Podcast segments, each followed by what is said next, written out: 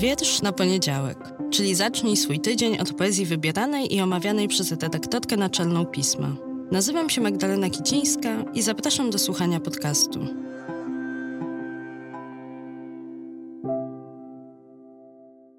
Cześć, dzień dobry, dobry wieczór. Witajcie w ten powyborczy, szczególny poniedziałek. Ja nagrywam ten podcast jeszcze nawet przed ciszą wyborczą, więc jestem dla Was takim głosem z przeszłości. O, kotek się odezwał, nie wiem czy go słychać, ale przyszła tutaj, bo jak zwykle ma parcie na wystąpienia publiczne. Tak, więc ja jestem takim dla Was głosem z przeszłości, z punktu niewiedzy. Nie wiem, w jakich nastrojach obudziliśmy się w ten poniedziałek.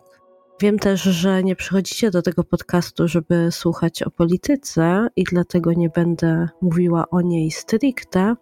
Natomiast myślę sobie, że jeśli słuchacie tego podcastu, jeśli czytacie poezję, to jesteście osobami wrażliwymi. Poczynię takie założenie śmiałe. Wrażliwymi nie tylko na literaturę, ale pewnie też na to, co się dzieje dookoła Was, na rzeczywistość i być może ten wczorajszy dzień był dla Was ważny.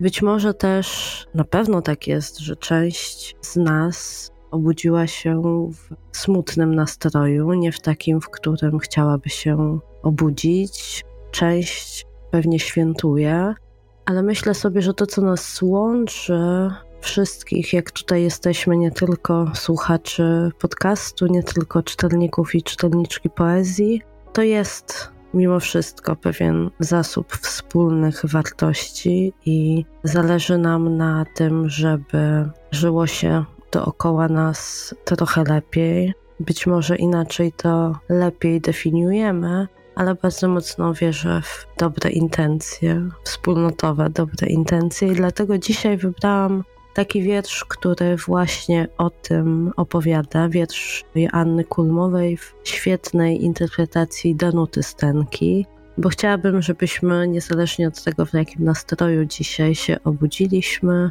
obudziłyśmy, pobyli sobie chociaż przez moment z tą myślą, że mamy dobre intencje. To jest też taki napis, który wisi w różnych miejscach redakcji pisma, żebyśmy sobie o tym przypominali i może dzisiaj też potrzebujemy takiego przypomnienia. Zostawiam Was z tą myślą, z tym wietrzem Janny Kulmowej. Trzymajcie się ciepło.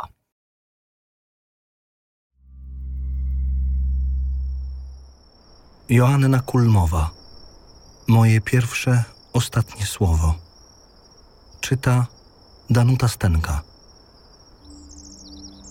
Może łatwiej przez ciebie zginąć, niż dla ciebie wytrzymać, chorobo nieustająca, nieprzyschnięta oparzelino, ułomności rodzima z ojców ojca. Moim oczom przydana łusko, moim plecom wstydliwe brzemię, językowi wędzidło myślą. Ułamane skrzydło, przewino, któraś we mnie i ze mnie, żebym upadała, przeklinała, z nocy na dzień głębiej Tobą nasiąkała, złą skłonnością, ułudą swojską głupkowatą pychą rodową. Moje pierwsze, ostatnie słowo. Moja wado wrodzona. Polsko.